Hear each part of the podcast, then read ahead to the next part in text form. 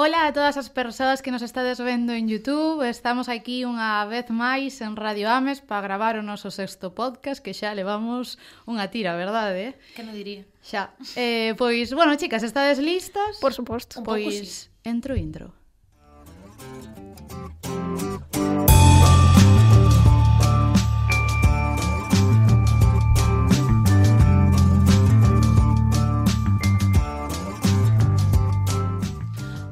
Benvidos, benvidas e benvides a Espazo Bretema, un programa dedicado a falar sobre arte e cultura en galego.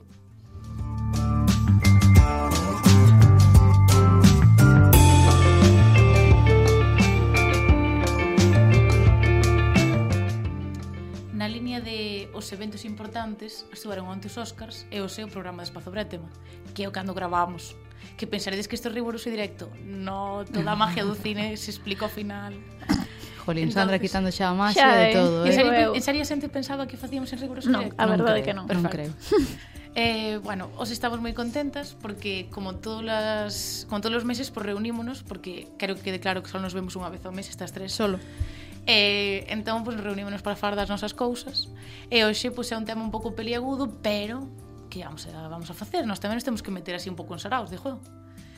Entonces, pois nada, eh, vou fazer a clásica introducción donde eu vos fago como toda a full chapa do contenido e vos digo, venga, tedes que vernos en Spotify, en Youtube, en iVoox, en iVoox, que igual son a única que defende esa plataforma. Creo que eres a, única, a única Pero sí que, que... Temos escu... sí que temos xente que nos escuita aí. Entonces, eu sei quen nos escoita. Quen, quen? O noso primeiro hater. En serio? non o sei, ah! estou inventando. Mira a cara de Marina. Que? Bueno, eh, entonces, eu sei que temos unha media de é o único sitio onde nos escuitan catro personas, pero son catro personas fieles. Sí. Entonces, es, eu creo que este programa, aínda que iso se fai ao final, a adicarlo a catro personas fieles que nos escuitan en iBooks. Bueno, Veña, se va. Buah, con que tristeza dixe. Adicamos yo. Ben, vale, evidentemente, pois pues, a promo de sempre e eh, a pro... esta vez tamén vou facer promo de Espazo Verá Tema. Temos unha web preciosa que acaba de rediseñar Marina. Un aplauso para Marina. O sea, o traballo eh, merece ser visto, digo eu. Efectivamente.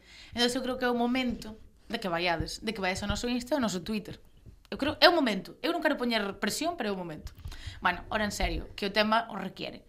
O sea, vamos a falar dun tema un pouco máis serio, que non é que hasta agora estuveremos de risas todo o tempo, pero... Bueno, bueno, é a clave bueno. de espazo para chamar. Un pouco sí, pero E o de hoxe creo que vai ter un calado importante e os que tamén o tomastedes así desde outro lado da pantalla. Iso non quer dicir que despois hai a sección de recomendacións, que hai a baiuca, que nos vayamos a rir todos e o pasemos moi ben. Iso non ten nada que ver. Entón, vamos a falar sobre eh, como se liga o mundo do patrimonio en relación á guerra, non? E non pode ser un tema máis de actualidade, posto que estamos actualmente vivindo pois a guerra Ucrania-Rusia. Entón, eh, antes de entrar ao debate, antes de entrar a calquer tipo de consideración sobre o tema, eu creo que sería importante remarcar por que o patrimonio é importante neste ámbito. E por que este programa está dedicado a falar do patrimonio e non das persoas, porque evidentemente as persoas son o máis importante, e iso non nos podemos olvidar.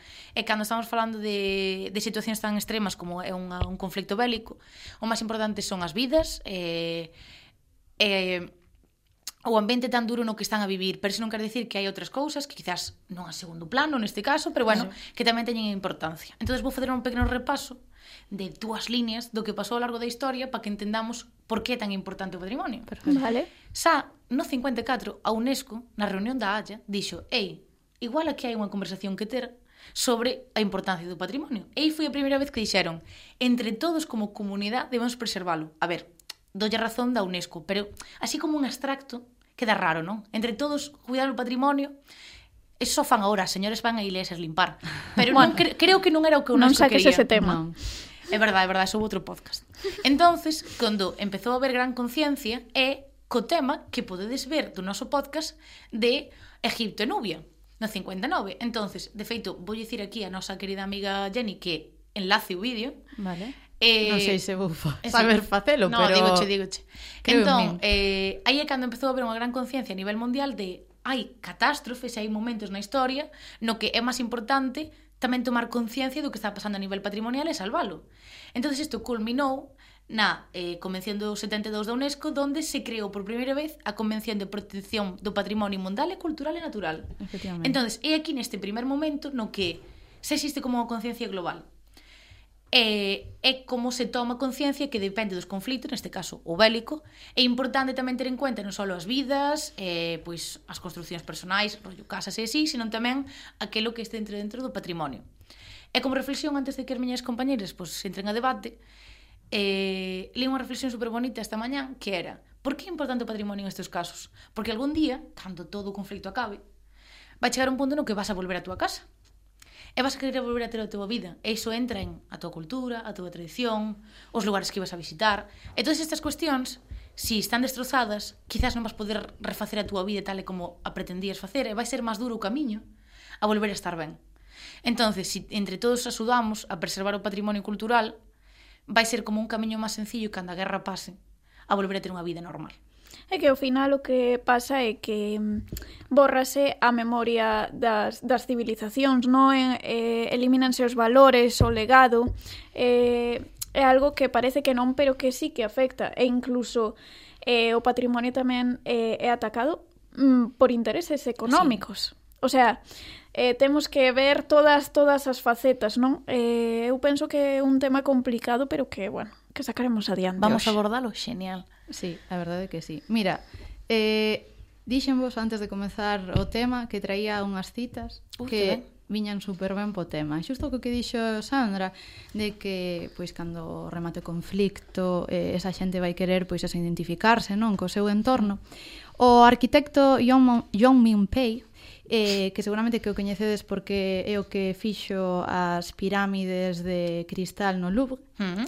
dixo unha frase que pareceme que sintetiza moi ben eh, isto que acaba de dicir Sandra.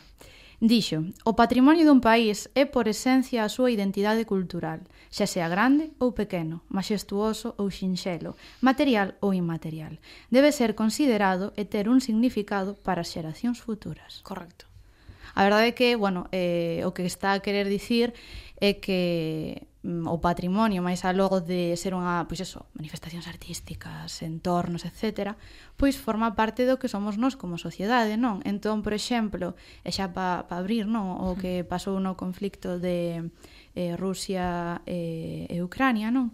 Eu penso que mm, a matriz diso é que, claro, teñen un forte eh, componente identitario, non? Non? bueno, vos sabedes que eh, a Unión Soviética, bueno, Ucrania pertencía á Unión Soviética uh -huh. en, en 1991, creo que foi cando a Unión Soviética pois eh, desintegrouse sí, e Ucrania eh, formou, bueno, formou eh, autodefiniuse como país. Efectivamente, eh, o que foi é eh, un país independente, non? Uh -huh. Entón o que querían facer agora Putin eh, un pouco entre comillas é volver pois esa eh, grandiosidade do que era a Unión Soviética, non?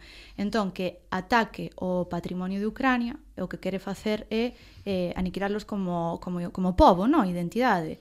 Entón, eh, eu penso que, que neste sentido a xente ten que entender eh, cal é o motivo polo cal cando saen pois eso, nas, nos periódicos, nas revistas, etc.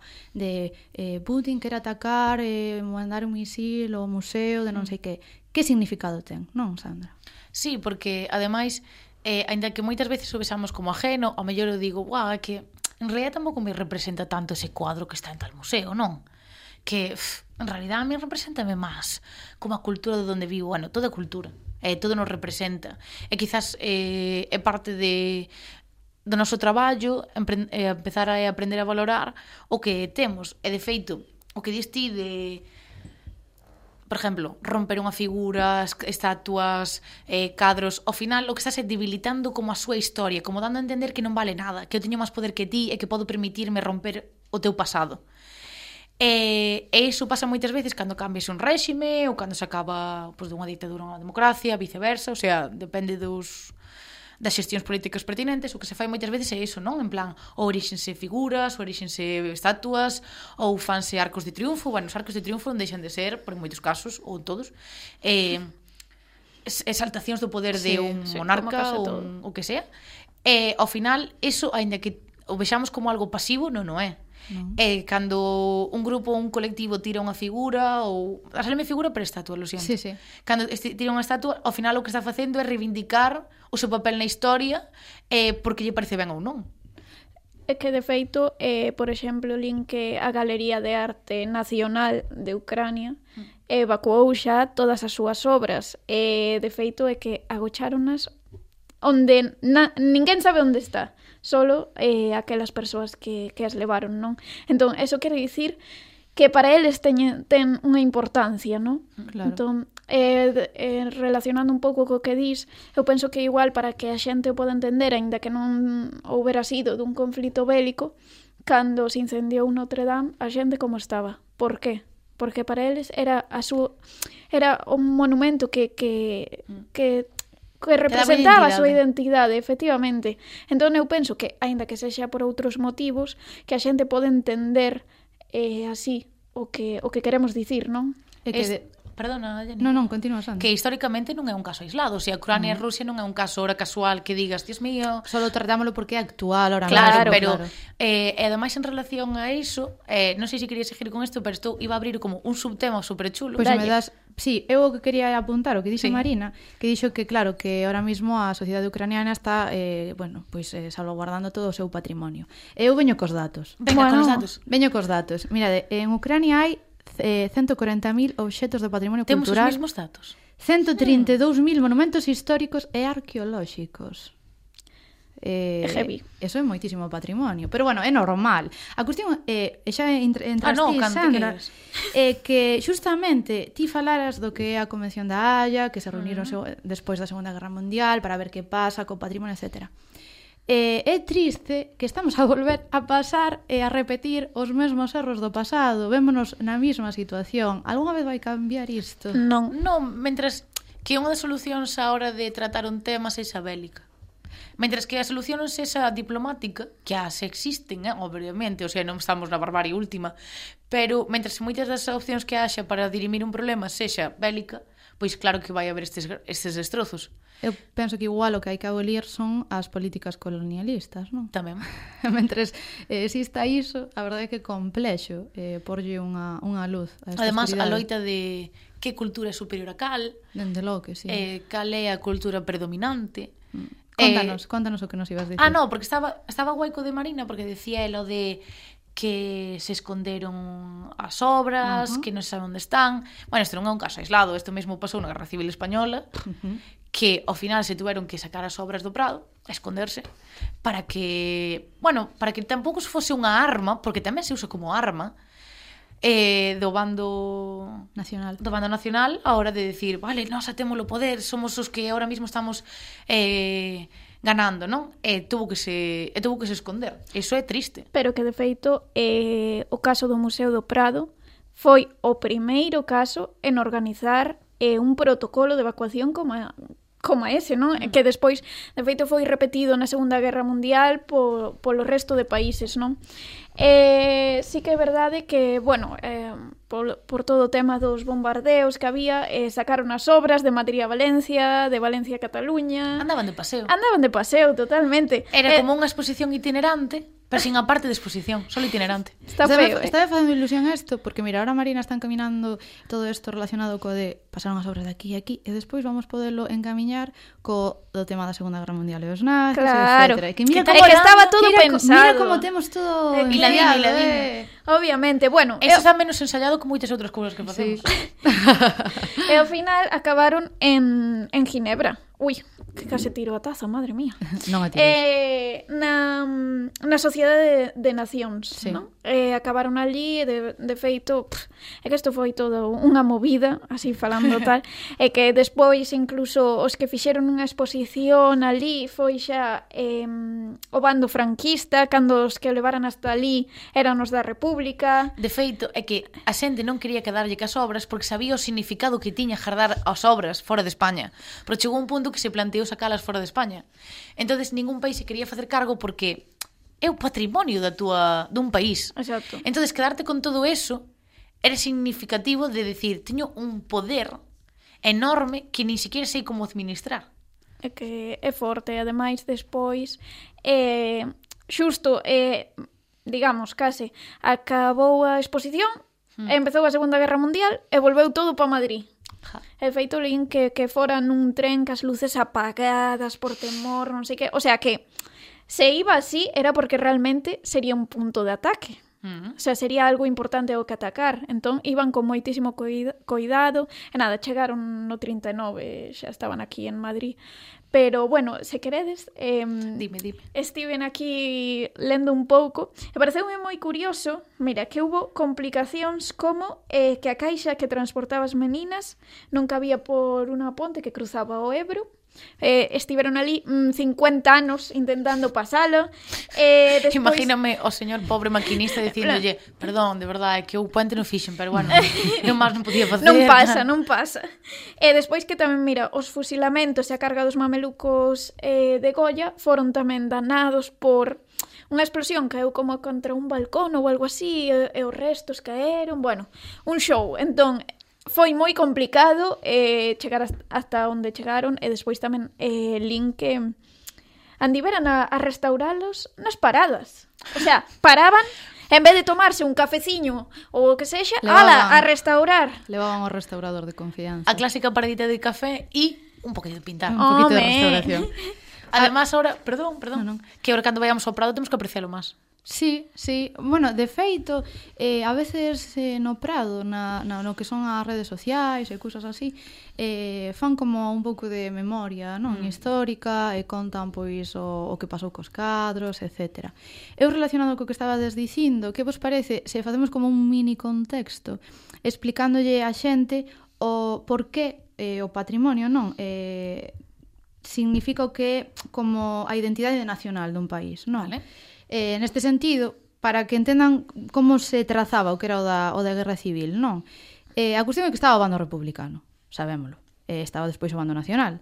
Entón, eh, na cousa de que movesen as obras, o que eh, ven a decir é que o patrimonio eh, é como o signo distintivo de dunha nación, non? Entón é o que está a pasar, pois non só eh, bueno, o que está a pasar, estou falando do pasado, non?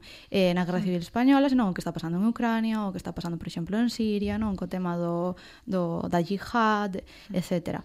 Eh, pero claro, a cuestión é, por que se o patrimonio é tan importante, eh, supón algo de identidade, non? De, dunha nación, etc. Por que está tan infravalorado por a sociedade? porque se ve como un conjunto de pezas máis que como unha identidade. Por exemplo, eu creo que é moito máis fácil, ainda que sea irónico, identificarse ca, co patrimonio inmaterial que material.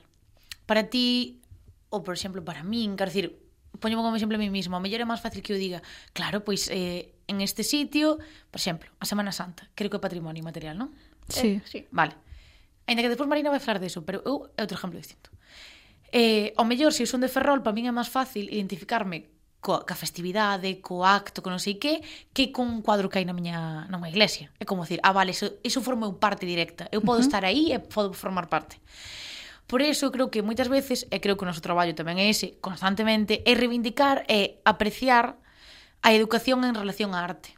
Porque se si todos temos claro que isto é o que determina isto é unha nación, isto non, mira, de feito, moita xente eh, reclama moito de que Estados Unidos é unha nación moi joven e que non ten moita importancia a nivel cultural, porque naciu tan tarde que ainda lle faltan pois moito patrimonio do que temos os demais, que de feito expolia moitísimo, e todo este tipo de cousas. Por qué? Porque Estados Unidos ten medo de non poder competir a nivel cultural con outros países e pronto se fai cargo de quedarse con outros, pois todo o que nós temos temos que empezar a aprender a a dar de valor porque temos moitísimo. Eh, que de feito, que retomando o que dices ti de Estados Unidos, isto tamén valería para outro podcast, oh, porque sí. o que fixeron eles é sumir a unha a unha a, un, a unha sociedade, non? Mm. E quitarlle o que é a súa identidade eh, cultural, todo o que é a cultura indígena, etcétera, sí. que de feito están facendo moitísimas pro, eh, protestas, non? En eh, Estados Unidos, en América do Sur tamén, eh, cos propios indígenas pois están saindo a decir, mira que a nós non nos descubriu ninguén, nos xa estábamos descobertos, xa tiñamos os nosos rituais, as nosas culturas, as nosas eh, eu que sei. A nosa eh, vida. Eh, sí. E que además ah. iso está literalmente... Simboloxía, iba a dicir, a nosa simboloxía. Eh, está literalmente relacionado con eh, hai moita parte da comunidade estadounidense que non é blanca, por se alguén non se dou cuenta. Entonces, eh, gran parte da sociedade. Rapaz. Sí, entonces, cal é a cuestión? que cando se decide cal é o límite patrimonial de algo e cal é iso patrimonio, quer decir, é a nosa nación, poñen os límites, eh? pensaredes que aquí e pensaredes que Estados Unidos decidiu, claro, toda a comunidade negra tamén, é a súa cultura, no, no, no, no, amigos. Entón, isto é o que pasa, e isto vai en relación xusto que estábamos falando, o tema de tirar estatuas. Ao mellor tirar unha estatua de Jefferson, para os estadounidenses blancos parecelles genial. É como, como estás dicindo eso? Esa estatua está xenial. E ao mellor Jefferson, que foi un esclavista, baixo parte do 50% da población afroamericana di como? O mesmo está a pasar coas sí. esculturas de Colón eh, Exactamente, e aquí eh, isto pasa... Franco, igual... por exemplo. Por exemplo, bueno. eso, eso tamén é parte do conflito bélico. Cando caiu a URSS, se tiraron todas as imaxes de, de, de todas as persoas que... Cando caiu a URSS foi cando, sabedes a película esta da momia que saiu como unha maldición mm. e todo isto, pois é un pouquiño eso. Caiu a URSS, unha maldición, desenterramos a Franco, outra, outra, outra maldición, maldición, por eso están a pasar un montón de cousas. Exacto, cando caiu a URSS, que sabes que fixeron? Tirar todas as estatuas de Lenin, sí. de Stalin tal. E ao final que estaban facendo con eso? Borrar a historia. Rápido, vamos a borrar a historia, pero que queren... non haxa nada. Borrana, pero ahora queren eh revival. Re... Claro retomala. Retomala. Pero... Isto é curioso, hai, hai que sacar dos museos as estatuas de Lenin. Sandra. Xa sabemos que a ti, bueno, este tema para ti é maxia.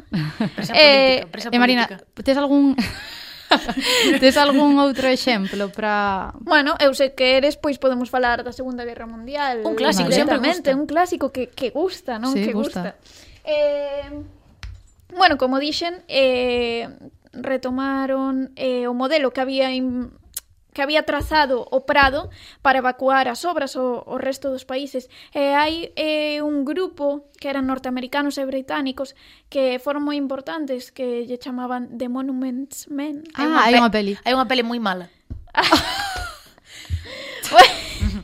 Vale, bueno, perdón, pues non hai a... unha peli. Non a vexades. Entre paréntesis, Sandra dixo solo. Moi mal. Exacto. Pero Sale bueno. Brad Pitt, non? E eh, George Clooney, pode George ser. George Clooney seguro, Brad Pitt. Non sei. non o sei, non bueno. a vi, na verdade. Brad Pitt quedou sen trolla. A peli está chula, se eres historiador de arte, che fai como chiste ver iso. Sí. En si, sí, técnicamente unha Pero porque non ten non ten moita veracidade histórica, non? É un pouco en plan... Bueno, a veracidade histórica é George Clooney vestido guapo. Pero que todas as películas de George Clooney son, son así, así, spoiler. Non, é verdade que veracidade histórica non ten, pero a nós fainos gracia, porque, bueno, ten, as, ten su, su, su chicha. Claro. Sí. Pero bueno, vou vos contar que neste grupo sen necesidade de ver a, a película. película. Así ah, sí, Parece sí, nos no. ben. E tampouco vas a aprender nada. Eh. Tampouco. Eh? Con Marina, sí. Comigo, sí. bueno. Facer unha película Marina que se chame a ver, The Monuments Marina. A verdade que sería... Espero que teña un título máis original que este, sí, a verdade que Gracias, sí. Jenny. Non, non, non non, non estarás no meu equipo de, de creación. Literalmente é a única que podría ser director de fotografía. Xa. Non sabes o que te perdes, pero aí, aí xo deixo. Seguro que alguén ofrécese. Bueno, o caso. Era un grupo militarizado eh, que rescataban e eh, protexían o patrimonio, de feito era xente pois vinculada a arte, eh, profesores de universidade, mm. e cando acababan pois estas guerras así, iban a buscar eh, aos refuxios eh, aquelas obras que se habían escondido, que hai al, algunhas que nin, nin se recordaba onde estaban. Wow. É dicir, que se iban descubrindo pouco a pouco incluso máis cousiñas. Eh, e foron, pois, eu penso que un grupo moi importante para para ter ese patrimonio que, vamos a dicir, Hitler habería seguramente mmm, destruído. Porque, vamos a ver, Hitler era un moi amante do arte, Pero do, do que facía él. Exacto. okay. E o arte moderno, puf, o sea, horror. Degenerado, queimado. O sea, arte degenerado que quería eliminar, destruir, incluso eh, que se perseguiran os artistas que, que facían este tipo de arte. Foi unha locura. Vamos. Entón, esta xente, pois, que resgardou o, o patrimonio, despois salvou uno de novo, bueno, eh, mira, un monumento para eles, de verdade. Eh. eh, encántanme. Sí, sí, además, Más alá de, por exemplo, habrá esa broma, más alá da broma de é unha mala peli, que hai unha película sobre ese acto Está eh, e fala bien. sobre o valor de que sí. se ten que dar, o sea. E de feito falando de películas que reflexan cousas, como todas as películas, spoiler. Non eh, necesariamente, eh, mujer, pero... no, pero bueno, relacionado co este tema, hai outra película que se chama eh, A dama de ouro. Sí. Que de Helen Mirren, que penso que é eh, Ryan Reynolds, que vai sobre como se devolve o patrimonio que foi expoliado por os eh, nazis ao que a sociedade eh, judía. Ah, pois Sabedes que, que un tema difícil. A Dama de Oro é boísima, porque evidentemente eh, cando estamos falando de pois eso, sumir a unha sociedade nunha eh, miseria, quitar borrarlle a súa identidade cultural e o que se fixo ca, ca sociedade eh, xudía, non? E quitáronselle pois moitísimas das súas pertenencias e eles eran xente con moita con moitos cartos, non? Tiñan unha grande colección. E, bueno, a película narra como se lle devolveu este patrimonio que de feito hai moitísima xente que está loitando por cousas que, que son delas, non? E que están moitas en museos. É que... Moitas en museos británicos. É que moito do que pasou foi como todo, que eran compras legales. É dicir, se sempre un alemán, comillas, se un alemán, sempre comillas. Eh, esas ao borde da quiebra porque eres judío, estás vivindo unha situación extrema, eh, e che dá vou facer unha burrada, dous dólares por unha pieza que llevas decir que quizás te pode matar, que lle vas a decir que no. Claro. Entonces, claro, son compras Aí hai unha cláusula moi pequeniña que non leron, pero unha cláusula. A de, non podes con unha pistola a tu judío de confianza se si queres conseguir unha obra de arte.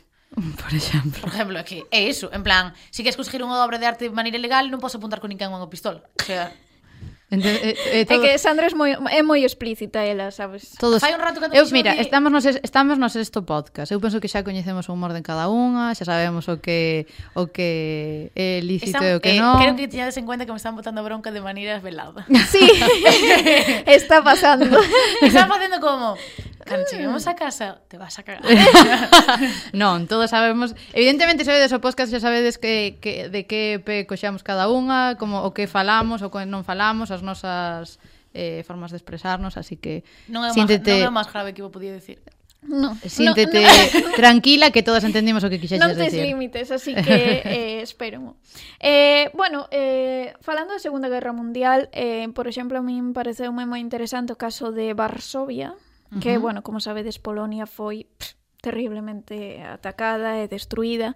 Pero o caso de Varsovia é moi particular, digamos, porque mmm, cando foi destruído, que foron destruídos, de feito, é o seu patrimonio máis importante, todos os edificios, as arquitecturas, os monumentos, todo.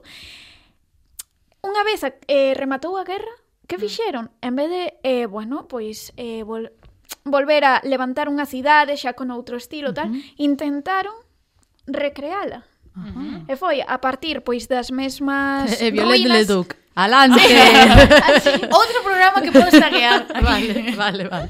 Perdón, perdón, perdón, perdón. Continúa. No, no, no, está está perfecto. Eh A partir de ruínas e tamén eh, de pinturas como as de Belotto, non sei sé si se dice así, se escribe Bellotto. Mm. Será italiano. Interpreta, sí, hai, doble, sí, eh, eh, Bellotto. Belotto. Belotto. Bueno, sí, eh... Si máis italiano, polo man así, bueno, eh, perdón os italianos. Eh, que seguro Toda que nos, se... seguro que nos escoita. Hoxe estamos dando a todos por todas partes. Eh, bueno. Eh, Ey, eh, nada, intentar... Ahora, estamos ben, non. Escúchame, probablemente o programa máis inclusivo. Sí, que é certo, é certo. Dalle, dalle. Bueno, o caso, que, que sempre me lías ti. O caso é que... Eh, non poñas esa cara. O caso é que É moi importante, vese moi ben con este exemplo o que significa eh, ese tipo de monumentos para a identidade dun país, porque querer levantalo tal cual hmm. É simple meramente pola identidade e por manter a cultura do teu país. Hmm. Entón, eu penso que é un modelo é moi clave e que convido vos a que vexades máis sobre sobre este caso porque pareceume super super interesante. Ademais é un caso chulo como para cerrar o tema de decir, jo, que guai que isto sea como o exemplo perfecto de había tanta necesidade de facer outra vez e eh, remarcar a nosa cultura que vou a facelo de cero igual. Sabes, o medo de decir, non quero perder. Bueno, igual de, de, de todo tampouco, eh, porque ao parecer algúns escolleron, bueno, se... No. Gustábame, Bueno. gustábame máis como quedaba Barroco, eh, ou do Renacemento ou o que sexa. Eh, a ver, eh, tamén hai que foron, foron coqueto. elixindo, sabes, en plan, bah, isto gustaba máis así, isto, xa. Pero bueno, o, o caso era que intentaron pois reproducir esa, esa cidade tal mm. como era antes da guerra. Que interesante. Bueno, o, o que estamos vendo é que hai como... Eh, diferentes formas, non, de, de encamiñar pois esta, bueno, esta pérdida do patrimonio.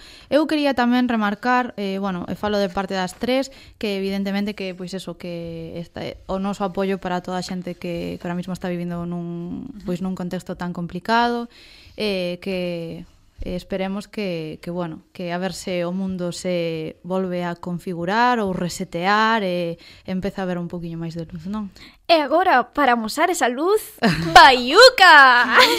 que ben me quedou.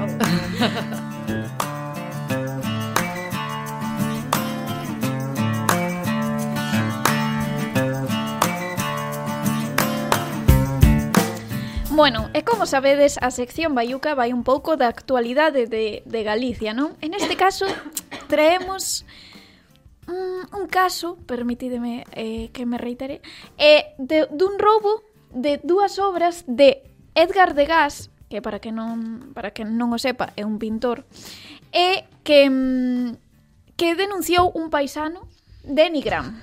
Un paisano. Un paisano. Un paisano. a ver, se é Denigram o colega é paisano. coleccionista é que, de no, No, se é Denigram é paisano. Vale, paisano. É paisano. E xa está. Si, si sale fora do territorio gallego non ten por que ser paisano. Pero dentro... Vale. Vamos a incluílo. O caso é que este home foi ali, a Guardia Civil, e dixo Faltanme dúas obras de Degas As clásicas Denuncia, pa Claro E dixo señor, de que? De donde? De que? De Partir donde? Ademais, partir unha hora de negra Era unha Gardei eh. e... El flipou, el díxolle Dedejas, hombre, dedejas, o señor Pintor, hombre, o señor Pintor Sí, sí, pois resulta que eh, supostamente foi o único que se levaron cando tiña unha colección de Dalí de non sei que, só se levaron esos dous cadros. E a maiores, o señor non tiña nin idea nin do título das obras, nin de como eran, que tamén che digo, se, se me chega a decir, eh, era unha bailarina, digo eu, ah, como case toda a, a produción de degas, o sea, oh. non axudaría moito, quero dicir. A ver, o noso paisano de Nigrán confundiu obra de arte con lámina. Eu tamén teño un Toulouse-Lautrec en casa. O sea, baixo esa perspectiva, a min tamén me pode roubar un Toulouse-Lautrec. Se si o señor non estaba ben ubicado... Pero que ao parecer eh, estaban guardados nun armario, nunha casa, eh, entre... É que isto, según, según se conta, a evolución é ainda mellor. Sí, sí. Eh, estaban guardadas nun armario sen protecciones en nada, como que engarda unha camiseta ali, e bueno, pois nada. Además, en Lejarán ten que haber unha humedad. Bueno, pois ao parecer a, o chalete ese tan sequera estaba nin acabado ou algo así. Bueno, eso é que diferentes medios dicían unha cousa ou outra. Nin catalogada. Que, que, bueno, as obras non estaban Home, catalogadas porque... Escúchame, non ninguén... ten título que vai estar é que, catalogado. De feito, a... Eh, bueno, igual Continúa, Marina, non, non, non quero Cache vindo un de conducimiento. Eh, dalle, dalle, vale, non, vale, non quero vale. Non, a, eh, ao parecer eh, había un maletín que tamén se levaron que sí que poñ, eh, poñía... Con cartos. Eh, non, non, poñía... Eh, ai, ue Ah, o papel de que era sí, maletín que poña solo ah, se pode grazas. abrir e exhibir en tempo de pandemia. Xa pasou a pandemia.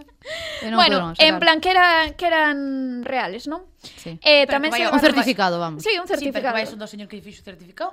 Eh, Terán unha copia de Google. Non se sabe. Pero que o, non sabe nada. a verdade é que a, o máis eh, raro de todo isto é que saiu a, a unha experta do Thyssen que dixo esas obras eh, non, non temos constancia de que esas obras existisen. Eh... Perdón, Jenny, é que estaba eh, predecindo a morte de Sandra. Os estou bastante mal, o sento. Non estarás ti traendo outra maldición? Sí, a maldición ah, de da... el asma. Bienvenida a mi maldición. Bienvenida a la maldición. Xa teño, de feito, xa teño.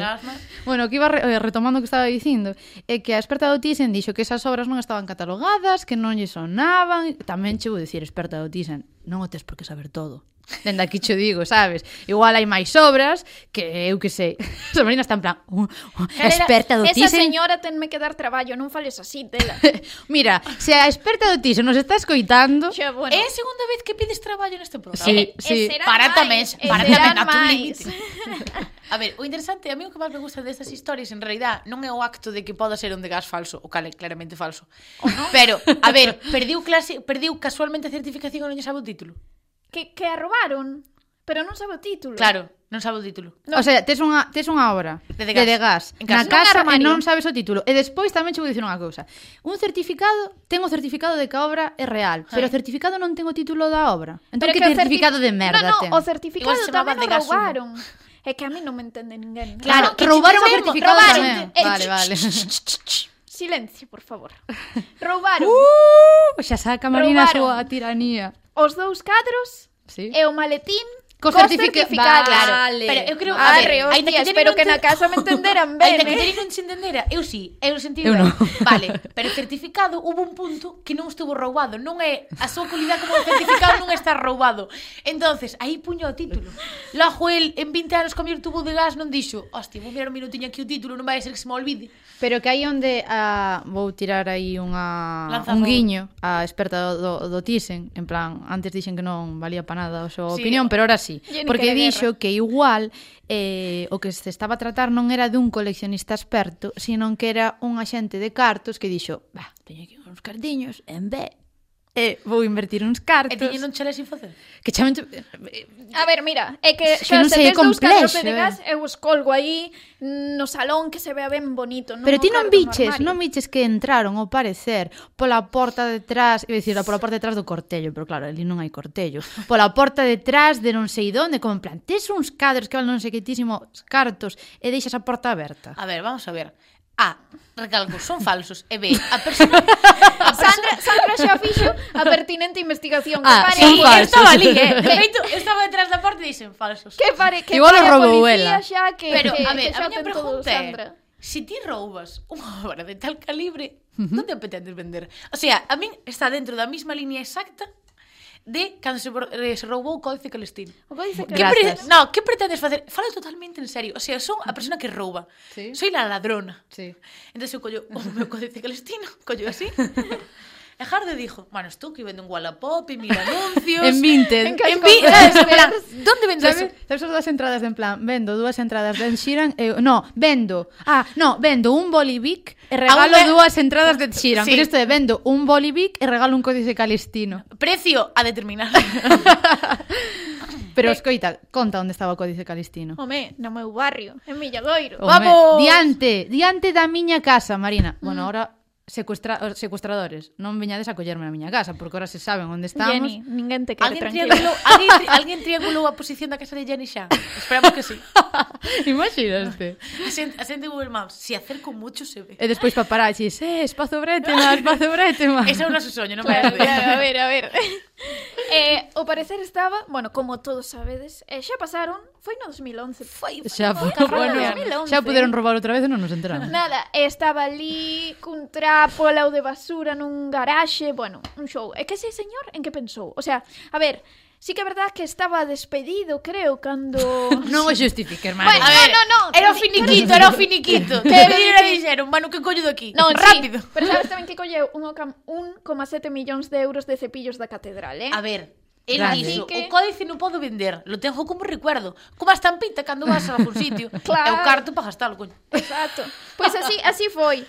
Eh, E Jenny outro día alumbrounos ca súa sabiduría. Que dixo? Que dixo Jenny? Hoxe son eu o búho sabio. Sí, hoxe vale, eres ti. Hoxe son o búho sabio. Felicidades, Jenny. A ver cando me toca a min, porque nunca son. Pero bueno.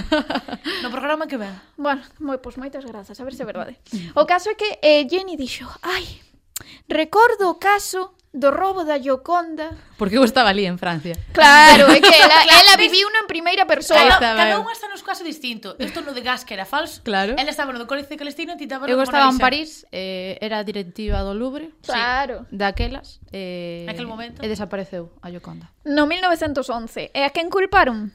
A Picasso. É a Poliner. Tamén che digo unha cousa, é que eu creo que Picasso fose capaz de roubar a Gioconda. Eu ao Picasso vexo capaz de calquer cousa, menos de tratar ben a unha muller. Ola.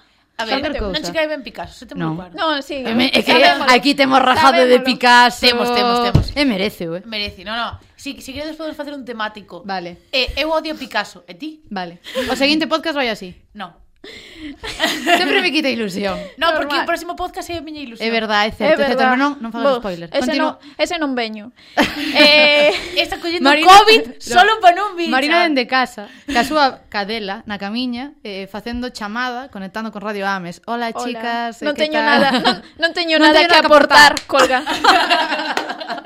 esa vai, esa vai a ser a miña intervención. Perfecto. Pero o caso é que mm, O caso é que Picasso, jaja, eh... eh, rapero Marina, da calle, rapero Ma da calle. Marina colleu carretilla a semana pasada cos chistes e agora non hai quen apare. Podemos facer un inciso que nos dá tempo. Vale, vale eh, resulta que fai unhas semanas, pa vos unhas semanas, pa nós un pouco menos, pero eh, fixemos eh, unha charla no Salón de Pontevedra eh, eu solamente a graciosita soy yo eh, what the fuck. O sea, ese día, Marina, estoy tan graciosa. Uh, era, sonaba por debaixo. Para, pa, pa, Pero que son, son a favorita do pai de Jenny, eso xa alegrou o meu corazón un Saúda. bico. Aí está, moi Exacto, ben. Me gusta.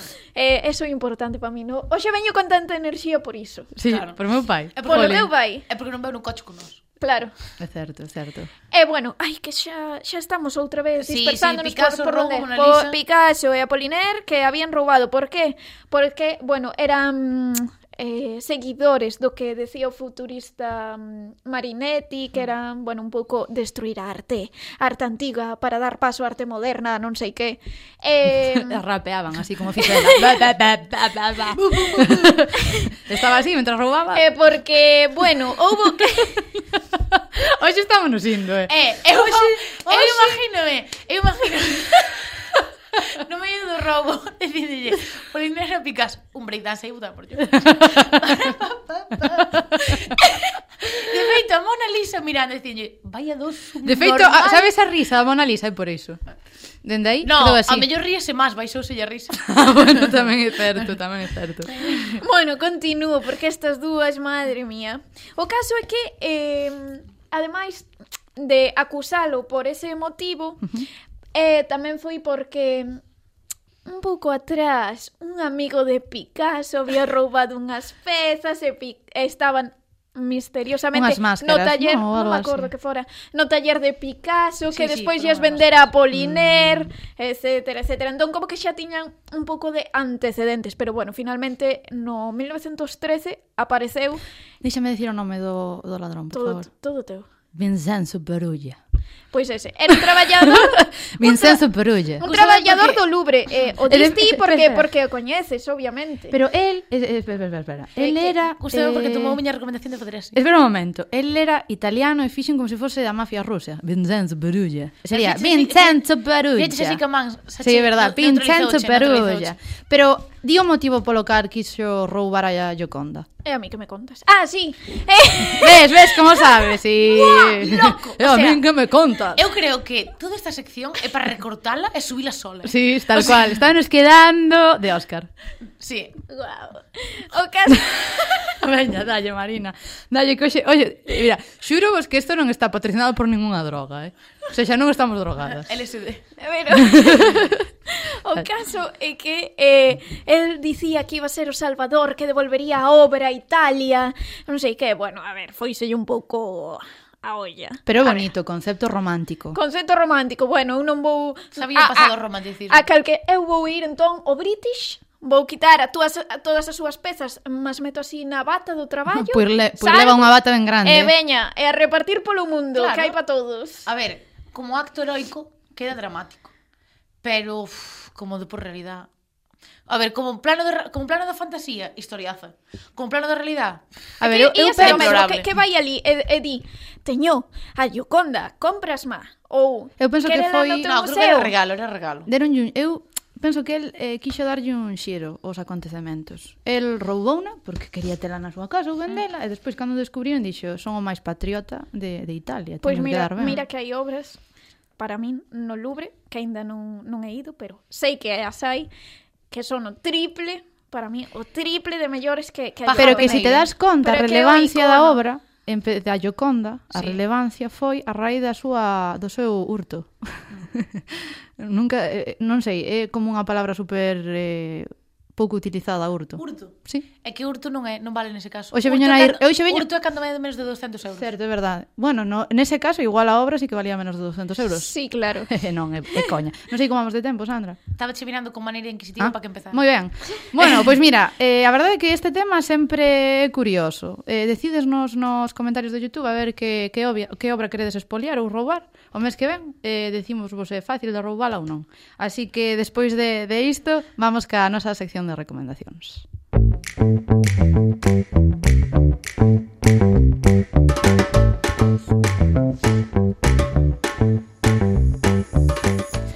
a nosa sección de recomendacións. Non, non, non, non, non. A favorita non. de Jennifer Novoa. A miña parte favorita do programa. Mira, vai deixar de ser a miña parte favorita, porque sempre me facedes bullying, eh? Non, non, estamos esperando. A ver, eh, ah. ti fixeches a pausa dramática para, para que, que o digamos. O Digo sea... unha cousa, pero eu estou creando identidade bretema. Porque outro día cando fomos a Pontevedra dixestes que a parte e que dixeron os, o resto do público, parte favorita do programa, estou creando identidade. Sixtas. Vale. Moi ben, crack. Grazas, grazas.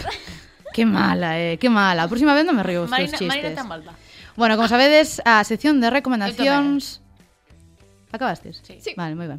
A, a sección de recomendacións é, eh, eh a parte da miña parte favorita do programa, é unha sección para falar de todas aquelas cousas que nos gustan e eh, para transcender un pouquiño máis dos límites da nosa terra. Uh -huh. Entón, Oxe, Marina, veña, oxe toca a ti e outro día tocou a Sandra. Vale, que pois nos nada. recomendas hoxe? Pois mira, eu vou máis que recomendar, obligar obligar a todos os nosos ointes. Oxe, Marina ben tirana. Sí, hoxe hoxe despertei máis así. Eh, a que, bueno, a ver, obligar tampouco, pero bueno. Ora se dixeches obligar, dalle. Sí, sí, sí, palabra, sí, non vou, que... non vou retroceder, foron as miñas palabras. eh, a que vaiades a Semana Santa de Ferrol? Por qué? Porque é o mellor deste mundo, vale? Así de claro. Non, a ver, o caso é que en 2014 xa foi, por exemplo, declarada interese turístico internacional e penso que, aínda que sí que ten bombo, eh, bueno, eh, está cheo, literalmente cheo, todos os hotéis e eh, eh, apartamentos e de todo, eu penso que é unha experiencia que había de vivirse unha vez. O mm. sea, ir ali e dicir, bueno, sí, gustoume, non, non gustoume, pero Xuro vos que levei a xente moi eh, diversa e a todo mundo lle gustou. Porque é un feito que non fai falta eh, pues, eh, ser devoto. Uh -huh. eh, simplemente, pois, mira, a vos que vos gusta o arte, se vades, eh, xa é un motivo. A mm. xente que lle gusta o espectáculo, porque hai un ambiente que... Eh, é moi, é moi grande, está toda a xente é feliz, é aplausos, é emoción, é, é moi diverso.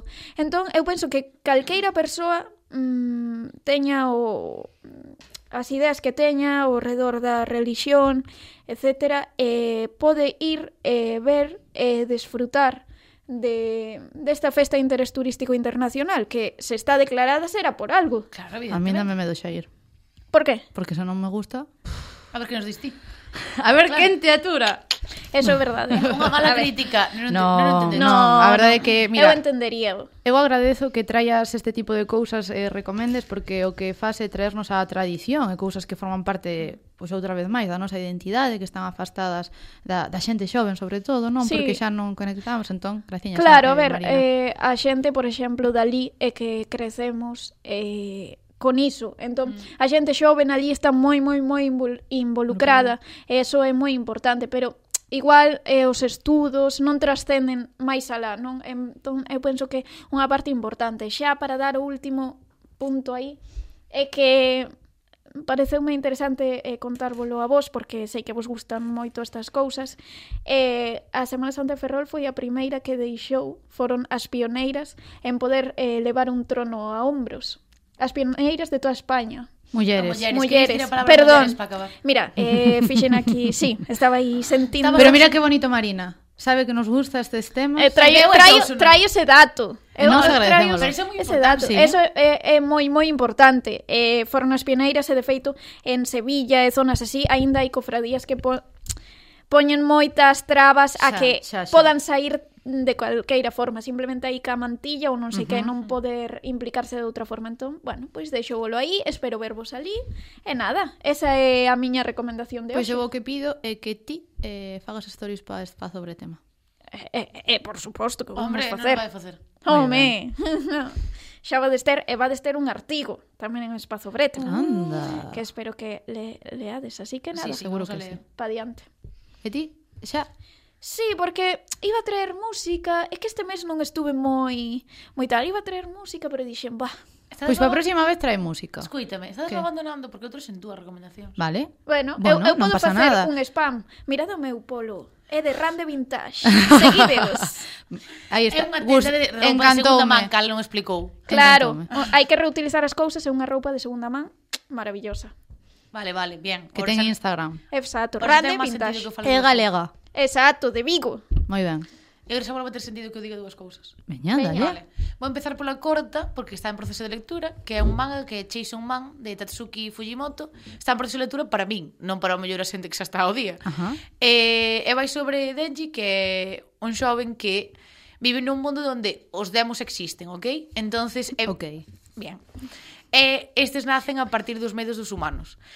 E, e ao final ten un problema se acabase fusionando con un demo. Entón é medio home, medio demo. Entón o seu papel é eh, intentar cazar a todos os demonios malos do mundo. Bien, sei que sona como moi estereotipado e tal, pero ten un tono de comedia negra buenísimo. O sea, en realidad en sí... O que che gusta. Sí. En sí, a obra está moi ben feita, está moi ben pensada, ten así algúns cabos que tratar, pero bueno, uh -huh. podese tratar, pero en sí o interesante é como a comedia negra de detrás, é ver como certos temas que mm, se poden tratar de maneira moi liviana en realidad están levados hasta o extremo. Entonces, eu recomendábolo moito, entonces tampouco profundizo moito porque está en lectura, pero por se vos queredes acompañar na miña lectura. Em emocionoume tanto que eh, ao beber caeuseme toda a auga por enriba. É que foi a, foi a emoción, eh? Sí. O manga que emocionou Dixeches, a "Cheis Marina. man. Mira, está todo empapado, ai, mi Además é unha boa é un bo momento porque se si non vos interesa eh, ler o manga, vai sair o anime ahora. Entonces, Ah. pues, te dou dúas cousas á vez. Non sei se o anime está ben porque non saliu. Bueno, pero... Sandra, pero graciñas outra vez por traernos a cultura asiática. Vamos. E eh, ora vou traer lo que la gente estaba esperando. Eu sola, esa gente Dalle. sou yo. Non, non, non, non. Eu tamén que vou, eu tamén, una... vou esta recomendación recomendación voulle facer caso. Eu tamén. Que la da dorada de HBO. Vale, non comento. o sea, vamos a empezar dicindo que é unha serie de época, un period drama, Entonces, o que fala é sobre, vou dar, a, vou dar a sinopsis porque a sinopsis é o que menos me interesa. Vale. A sinopsis é sobre unha muller que se chama Maria, que se quedou sin familia, entonces ten que ir a vivir con súas tías que viven en Nova York. Uh -huh. Entonces, eh, é xusto unha época que se chama así en Estados Unidos que é la época dorada. Sí. Entonces é un momento de gran crecimiento económico, pero que se está librando como unha batalla social entre os novos ricos e os vellos ricos que non queren ter como contacto entre eles. Ben, ela vai aparecer nese, nese conflicto entre ela que vai vivir con súas tías da bella riqueza, pero en realidad ela síntese moito máis próxima a outra xente. A xente máis nova. Bien. O interesante da serie, evidentemente, é a trama, pero é o ben que renova o género. É dicir, a serie consigue que, a pesar de que che conten un periodrama normal que é pois, gente con diñeiro, Estados, Estados Unidos, non sei que, e pon encima da palestra moitas cousas que outras series de época non pon, como que non, non necesariamente por ser negra tens que ser pobre, eh, non necesariamente por vivir en certa época non tes por que ter ninguna aspiración, non por necesariamente por eh, ser muller en 1882 non tens que ter ningún tipo de pensamento máis alá da túa vida cadriculada eh, as relacións amorosas que van satisfactoriamente ben, porque usualmente en estas cousas poñese como moi dramático, non se querían dormían en camas separadas, non sei que, no. Hai relacións amorosas que funcionan, é dicir a serie pon encima da mesa un montón de cuestións que son obvias e que dá igual en que época do mundo e da historia te encontres que vai haber, todo o mundo se quiso, todo o mundo tiña experiencias máis alá do que se lle daba, todo o mundo tiña se balanceaba económicamente da igual do seu color, etc. Entón son cuestións que parecían como obvias, pero nadie pusera encima da mesa e me fliparon. Entón só ten unha temporada, nove sí. capítulos, e podela ver en nada. E vou as dúas tens que vela para ter coloquio. Pero estás esquecendo unha cousa importante. Sí. Que é dos creadores de Downton Abbey. Ah, claro. Por Downton Abbey, amamos. Por ejemplo. Na, na, na, na, na, na, na, na. Si vos gustou, sí, sí, si vos gustou Downton Abbey, é como... É a versión de Downton Abbey moderna, no sentido de non porque pasen épocas distintas, de feito este é previa a Downton Abbey, uh -huh. de feito dixe que vai haber como xogo, jueguito, sí, sí. sí. Uh. Eh, porque unha das persoas que se citan parece ser que despois a súa familia salen de Downton Abbey. Ah. Eh, vexa vos está interesante. Sí. Vale, entonces, pero a pesar de eso, mientras que Downton Abbey é bastante clásico, mm. eh, Estamos tamén falando de contextos diferentes. Sí, sí. Estados pero, Unidos, que, pero, des, Inglaterra. Claro, sí, sí. Mientras que Estados... Pues no, no. En es... No, no, no, amigas. No, no, no. no. no, Has fallado, señorita. Inglaterra en ese momento é bastante máis moderno que Estados Unidos. Máis progres, sí. sí. porque Estados Unidos o que lle pasa é esta clase de historia non dá tempo, pero o que lle pasa a Estados Unidos é que nese momento fai moi pouco que que son unha nación independiente. Ah, Entonces, sí. cal é a súa problemática? Que en realidad están tirando todas as costumbres eh, británicas que lle quedaron, entonces non se están actualizando realmente ao nivel que está actualizando Europa. Ves así que todo o que se lava de arte en ese momento sigue sendo Europa. Claro. Vale, entonces, genial, o sea, tedes que vela. Eh, e sale eh, xente genial, Eh, todas as actuacións son maravillosas. Estou deseando que leven 57 premios. Plataforma onde vela? HBO. Perfecto. Entonces, pues nada, estou Non me estás dicindo como quero que o digas. Ah, HBO. Thank you. Eh, entonces, pues nada, estou deseando que a besades porque tengo moitas ganas de falar sobre eso. Muy e agora que Jenny fale porque jaja. porque eh, non sei se si nos poden decir cando nos queda, pero Se nos fue de las manos. Bueno, eh, pero... Vamos a ter coloquio igual, ¿eh? Nos lo merecemos. Ah, sí que me da tempo. Canta. Quedan cinco minutos. ¡Vamos! Veña, veña, que estamos que tiramos a casa por a venta. Bueno, pois hoxe teño cinco minutos e vou nos falar moi ricamente desta recomendación que xa sabedes, cale? Eh, pero vos non, e vou na decir agora. É Red, de Disney Pixar, é a última película de animación, eh, como mm. sabedes, Disney Pixar Bueno, chamase Red, Turning Red, eh, vai sobre unha rapaza que se chama Meili, que é de emigrante, de familia emigrante china, non? Mm. Que se vai a Canadá, en Toronto, E, e bueno, comezan a pasar cousas, non? Como sabedes, a, a tradición eh, China, sobre todo que a, a religión, pois eso teñen as súas deidades, etc.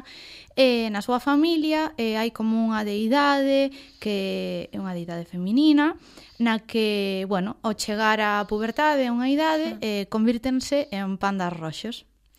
Vermellos, eh, non vermellos. outro color. Eh, vermellos. eh, e eh, bueno, eh, a cuestión é que por que a película, por que traio esta recomendación?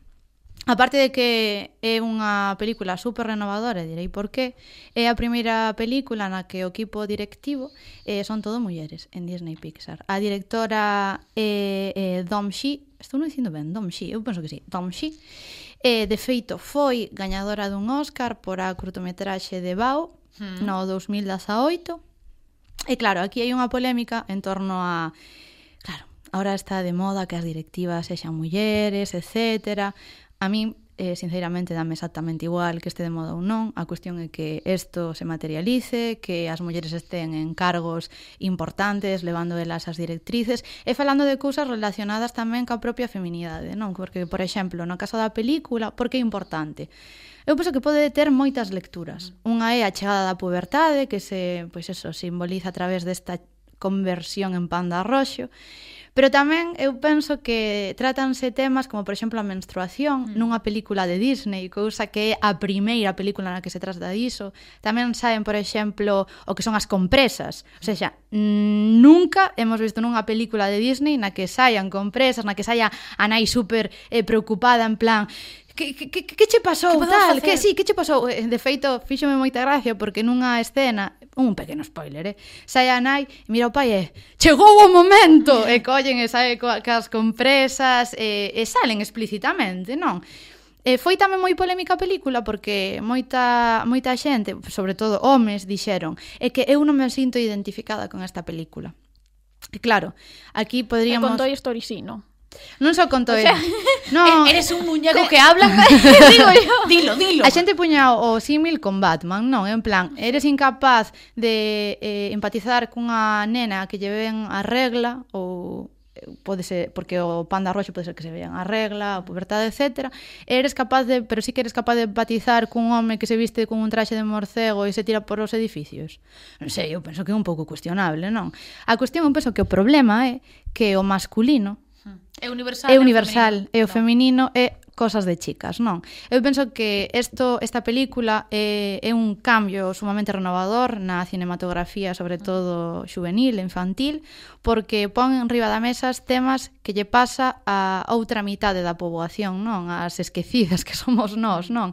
Entón, que unha protagonista sexa unha nena, unha nena, pois, racializada, non? Asiática, que está falando das súas culturas, que disfruta cas súas amigas, as súas amigas tamén son de diferentes etnias, sí. eh, unha delas é india, outra coreana, coreana. Outra é coreana. De feito, na versión original que son castelán, non? Porque viene en castelán. Eh, a rapaza chega un punto en que hai un momento que se enfada e o seu primeira reacción é falar en coreano, sí. rollo como pasa unha cousa, entonces ela dice darse cuenta que liu algo mal, empeza ah", empeza a falar en coreano, o sea, iso é moi bonito porque en realidad estás dándolle a porta aberta a decir, vale, non todo o mundo ten que falar inglés Ajá. TM todo o tempo.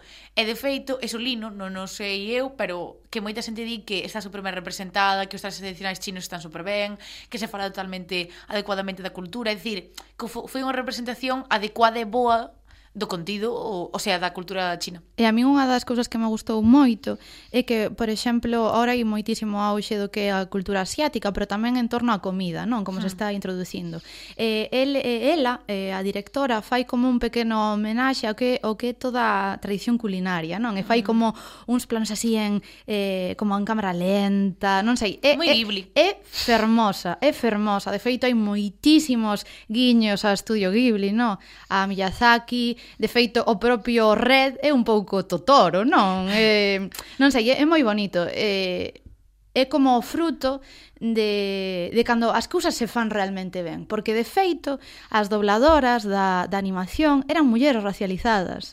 A nena que era india e eh, doblouna unha actriz india. Sí, a nena que era coreana dobrou unha actriz coreana, ou seja, é unha eh, película super inclusiva. Entón eu penso que a xente que, que fai unha crítica en torno a isto, penso que, que está moi corta de miras, non? Porque é unha, é unha revolución.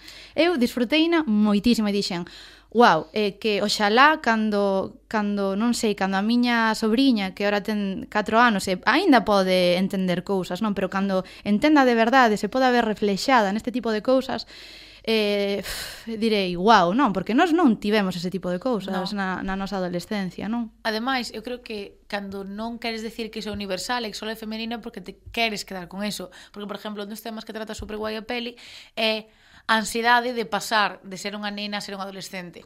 Sí. E iso dá igual que quen sexas, que sexo sexas e como te identifiques. Iso ten que ver con ter novos gustos, querer ser máis chica, máis chico, pero en realidad sin estar como apegada a ser unha nena, a que teñas esas discusións con teus pais de que non te queren ver crecer, pero en realidad sí, estás crecendo. Sí.